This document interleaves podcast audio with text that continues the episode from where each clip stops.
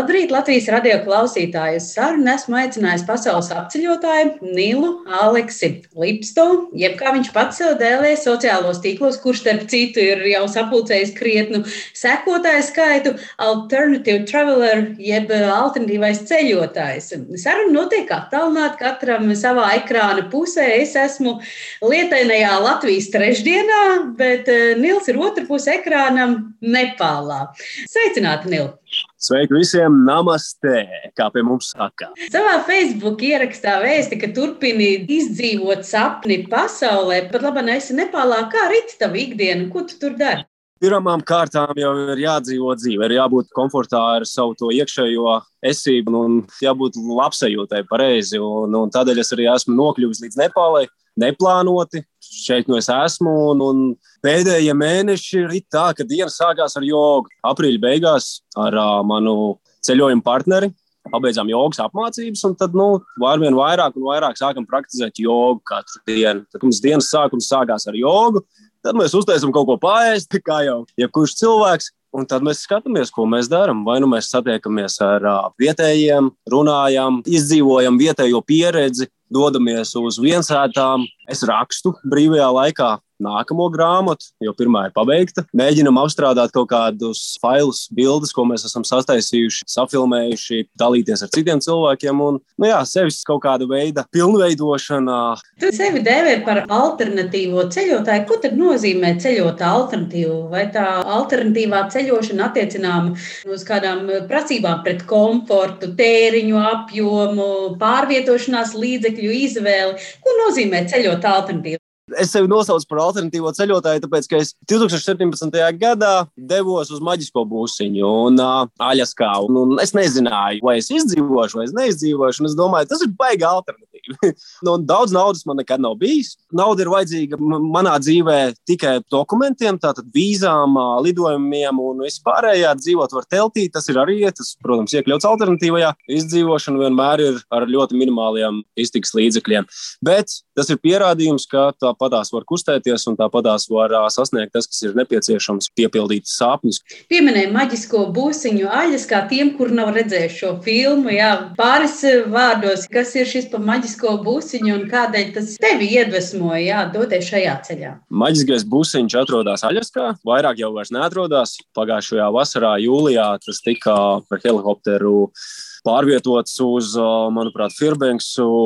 Tur var tagad apskatīt to busiņu. Bet jā, busiņš ir no filmas Sauvaļā, latviešu valodā, Into the Wild, angļu valodā. Un busiņš ir no turienes par zēnu, par puiku, kurš devās divu gadu ceļojumā un, diemžēl, beidz savu dzīvi šajā būsiņā. Un, un man tas iedvesmoja, pateicoties maniem draugiem, Matīs un Dāvidam. Tas jau bija sen, sen, 2012. gads, varbūt. Tad viņi man teica, ah, jā, ir tāda filma, noskaties, un tad, tad visdrīzāk iedvesmosies. Bet es baigi neiedvesmojos, es vairāk iedvesmojos no viņiem par to, ka viņiem bija tā enerģija, ka viņiem bija tā vēlme arī ceļot, doties. Un uh, viņi man ievilka tajā visā iekšā. Un, un pirmos divus gadus devāmies kopā dažādos piedzīvojumos. Gadā divus mēnešus, gadā vienu mēnesi sanāca mums aizbraukt. Tad mēs vienmēr runājām, jā, vienu dienu mēs kopā aizbrauksim uz maģisko busiņu un mēs aiziesim uz turieni. Un tad jau pienāca tas laiks, kad es sāku ceļot viens pats, un mani draugi sāka veidot ģimenes. Un, Un es domāju, ka nē, man, man ir jāizbrauc uz turieni. Tas bija mūsu solījums, un es vismaz viens pats aizbraukšu. Un tad tas notika, tad,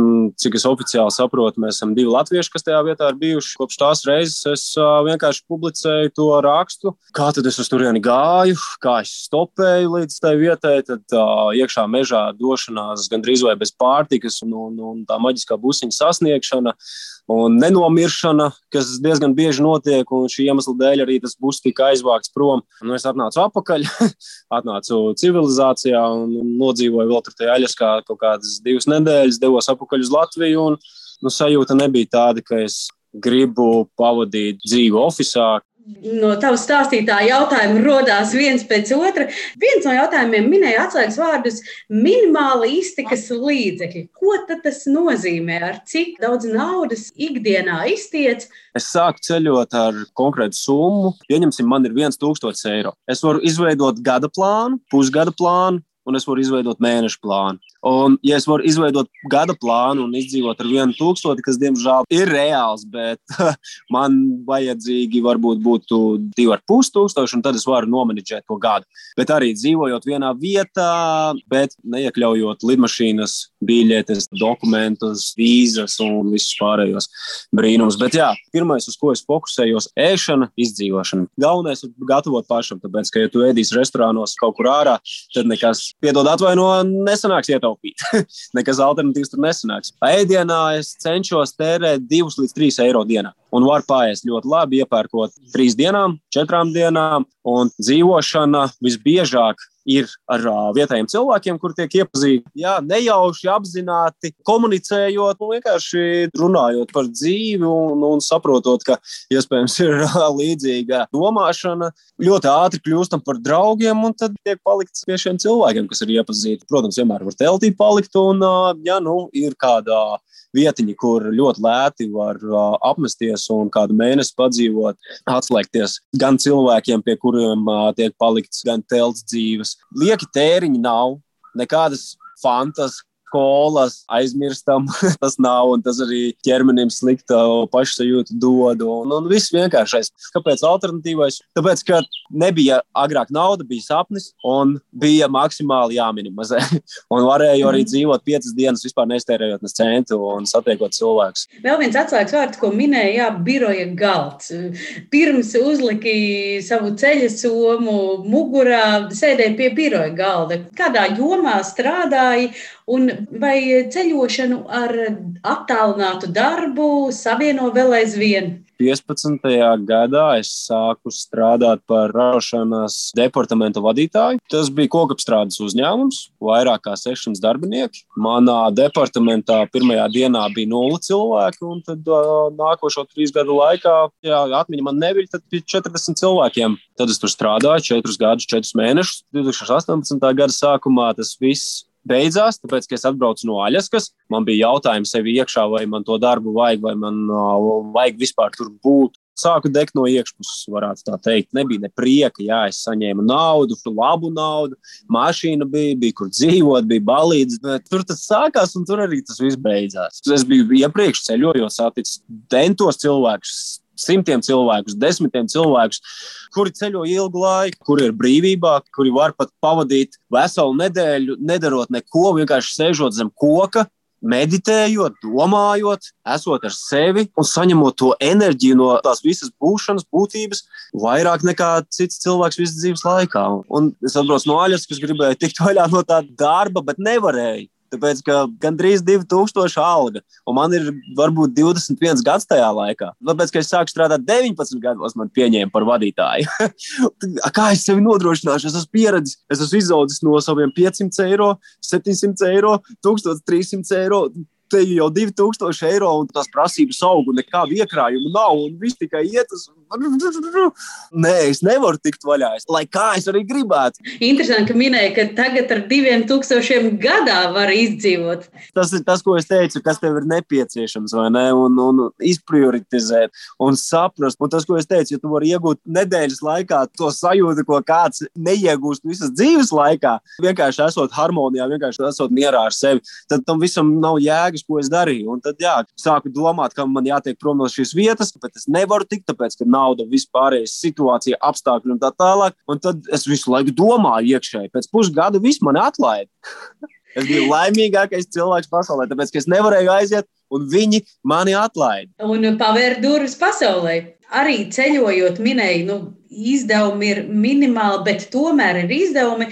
Kā un vai ir iespējams šādi apceļojot pasauli, minimāli, bet tomēr ienākums gūt vai pelnīt? Ko tu dari? Kā to dabūt gatavu? Protams, sākumā es teicu, ka nav nekāda iekrājuma, bet tad, kad mani atlaida, man izmaksāja kompensāciju, kaut kāda naudiņa no bezdarbniekiem. Tad gandrīz visu 2018. gadu pavadīju ceļojot. Bet ko darīt pēc tam? Iestupēju gandrīz uz gadu, tāpēc, ka es nevarēju atrast iespējas kā sevi nodrošināt, kā lai dabūtu liekus kaut vai 100 eiro, lai kaut kur atliktu, sakrātu, lai pat aizbrauktu tajā viena mēneša ceļojumā. Doma ir, ka es gribu braukt uz Āfriku, bet Āfrikai vajag diezgan daudz naudas, un man nekas neizdodas, man nekas neizdodas. Ko es varu izdarīt? Man ir jādomā alternatīva atkal. Es izdomāju, ok, labi, man nav naudas, pamēģināsim šito. Es uzrakstīju Facebookā rakstu, esmu ceļojis pēdējo gadu laikā, esmu dalījies ar informāciju, esmu dalījies ar saviem piedzīvojumiem un vienmēr iedrošinājis cilvēkus jautāt man, ja ir kāds jautājums, ja vajag dot kādu padomu par vietām, kur palikt, sakonektēt ar cilvēkiem. Un es teicu, tagad mans sapnis ir aizbraukt uz Āfriku. Un, ja tu vari mani atbalstīt, ja tu vēlies būt daļa no šī sapņa, aiziet. Atsūti man 10 eiro uz manu kontu, un tavs vārds parādīsies uz mana busiņa, ar kuru es došos uz Dienvidu Āfriku. Un, jā, cilvēki izdarīja savu izvēli. Man bija busiņš jau pēc mēneša. bet vairāk naudas atkal nav. Un tad es atkal mēģināju kaut ko, un tad nācās aizbraukt peļņā uz Vāciju. Tur smags darbs, 12, 13 stundas dienā, pusotru mēnesi. Cilvēki ieguldījuši šajā projektā. Cilvēki ir ticējuši, cilvēki gribēja atbalstīt, cilvēki atbalstīja. Ja man ir iespēja aizbraukt uz to pusotru mēnesi, pastrādāt, aizbraukšu, es nopelnīju cik tur tos savus 2000 kaut ko, un tad man pa ceļam vēl sazinājās ar mani tā laika ceļu biedrs Pauls. Jautāja, vai var pievienoties arī puisis no Latvijas. Es teicu, jā, tad viņam kaut kāda nauda arī ir. Tad mēs naudu saliekam kopā, un tad mēs kaut kādu gadu arī ripinājāmies pa uh, Rietumu Āfriku. Mēs astoņu mēnešu laikā ar visām vīzām, ar degvielu iztērējām varbūt 3000 dzīvojot alternatīvi, atrodot visdažādākās iespējas, satiekot, iepazīstot cilvēkus, piedāvājot cilvēkiem savu palīdzību. Jā, es vienmēr gatavoju, uztaisu sagaidīšanas ēdienu, kādu kartupeļu pankūku. Atgādinu, ka uz sarunu esmu aicinājis pasaules apceļotāju Nilu Aleksi Lipstovu. Ticu, ka klausoties šo stāstu, daudziem ir jautājums, cik tad pasaules valstis skaiti ir tas skaits prātā, vai nu jau vairs neskaiti? Jā nevar neskaitīt. Un tas ir tāds pozitīvs atkarība. ja es nemaldos, 41 vai 42 valstis šobrīd. Ko tu meklē pasaulē? Vai varbūt otrādi, ko pasaule tev dod? Man ir arī tāds tetovējums, pasaules karta uz manas rokas. Es uzskatu, ka jebkuram cilvēkam ir jābūt visur. Jebkur, kur ir iespējams, cik vien tālu ir iespējams aiziet, cik vien tālu ir iespējams aizbraukt, cik vien tālu ir iespējams aizpeldēt. Jāpieņem, jāsaprot, jājūt. Un tas jau ir tas, ko es saņemu, tas, ko es iegūstu, un tas, ko man dod. Es saņemu Es varu smaidīt, es varu būt laimīgs, es varu būt priecīgs. Es jūtos kā mājās, jebkur. Jāatzīst, ka runāt ar ceļotāju, kur mugursomā ir nu, tik no daudz piedzīvojumu no dažādām pasaules valstīm, ar tām 15 minūtēm, kas atvēlēts eh, šī rīta intervijai, ir krietni, krietni par maz. Un tic, ka tevis sarakstītā autobiogrāfiskā grāmatā, kas izdota e-grāmatas formātā, tur varētu uzzināt krietni vairāk. Tā dienas gaisma ieraudzījis pavisam nesen, kas tajā lasāms. Man reizēm raksta cilvēki, interesējās par to, kā ceļot, kā sākt un kāpēc sākt. Un tad tajā grāmatā es esmu aprakstījis visu no paša, paša sākuma. Kā tad es esmu piedzimis, kādā vidē es esmu audzis, kāds ir stāsts par maniem vecākiem un kā es esmu uztvēris dzīvi, kļūstot ļoti agri patstāvīgs, bet tajā pašā laikā arī pakļāvos dažādām nevajadzīgām lietām, lietojot um, nevajadzīgas vielas, to, ko jā, neapzinājos tajā laikā, vai nevēlējos pieņemt visu par to, kāds es biju, kāpēc es biju, dažādām nepareizām izdarītām izvēlēm, par sāpēm, par to, kā man nācās sākt savu dzīvi 17 gados vienam pašam, jo mm, tādi bija apstākļi. Man māte nomira, kad bija 15 gadi. Tēvs palūdza aiziet no mājas, kad bija 17 gadi. Tāpēc, ka tā vajadzēja, un šodien es viņam paspiežu roku, šodien es apskauju un es pasaku paldies par to visu. Un tas arī ir grāmatā aprakstīts. Un kā es toreiz uztvēru, kā es nespēju pieņemt bērnu un vecāku attiecības, sabiedrības uzskati, uztvēru, protams, caur manu perspektīvu skatoties to visu. Es esmu dalījies ar tādām atmiņām, ar kurām iespējams lielākā daļa cilvēku nevēlētos dalīties, bet tas ir mans stāsts. Šī ir pirmā grāmata. Plānā ir arī turpinājums, nākamās grāmatas, jo tie ceļojumi jau krājās, un pieredzes un atziņas krājās ar katru jaunu dienu, un ar katru jaunu valstu, un iespējams katru jaunu satiktu cilvēku. Protams, protams, un šobrīd man tās jaunais projekts, kuru es vēlos palaist pietiekoši profesionālā veidā, ar uh, drukāšanu, taustāmā veidā. Grāmatas nosaukums Āfrika, Covid un Āzija. Šis ir nākamais darbs, pie kā es strādāju. Tur ir darbs vairāk jāiegulda, tāpēc šī grāmata, ko es sarakstīju, tas bija e-formāts. Šī grāmata man izglāba, un es esmu pateicīgs visiem cilvēkiem, kas atbalstīja, kas bija ieinteresēti, tāpēc manā kabatā bija 50 eiro palikuši aprīlī 11 neilgi pirms manas dzimšanas dienas. Šīs grāmatas pārdošana un šīs grāmatas izveide un rakstīšana, kā jau es ievadā minu, pirmkārt, es nevēlos melot un nevēlos slēpt neko. Man nav naudas, un šis ir mans stāsts ar kuru es dalos. Un es esmu pateicīgs, ka jūs vēlaties atbalstīt, un grāmatas cena ir 6,50, kas ir varbūt pusdienu cena uh, Latvijā. Neviens nav spiests pirkt, bet, ja tu vēlies un uh, ja tu domā, ka būtu forši atbalstīt mani, tad jā. Un līdz šim divu mēnešu laikā ir vairāk kā 200 cilvēki. Kā jau es rakstīju, esmu ieguvis iespēju turpināt dzīvot sapņu pasaulē. Un šis ir arī neliels papildinājums atbildēji, ko tu iepriekš jautāji par to, kā tiek nomenedžēta nauda. Tikai kreatīvas idejas. Un es ceru, un es sapņoju. Un, ja nesanāks, tad nu, ko darīt? Es esmu ticis tik tālu, un es darīšu, tad es kustēšos. Nevajag daudz, un tad, kad ir daudz, tad arī nepareizās domas iekšā galvā. Mazumiņš ir labi. Saku, Nīlu, lielu paldies par sarunu. Un, lai izdodas piepildīt visus sapņus, ieceras un uh, iedvesmoties pašam un iedvesmot citus. Atgādinu, ka šīs dienas sarunu biedrs bija pasaules apceļotājs Nils Aleks Lipstovs.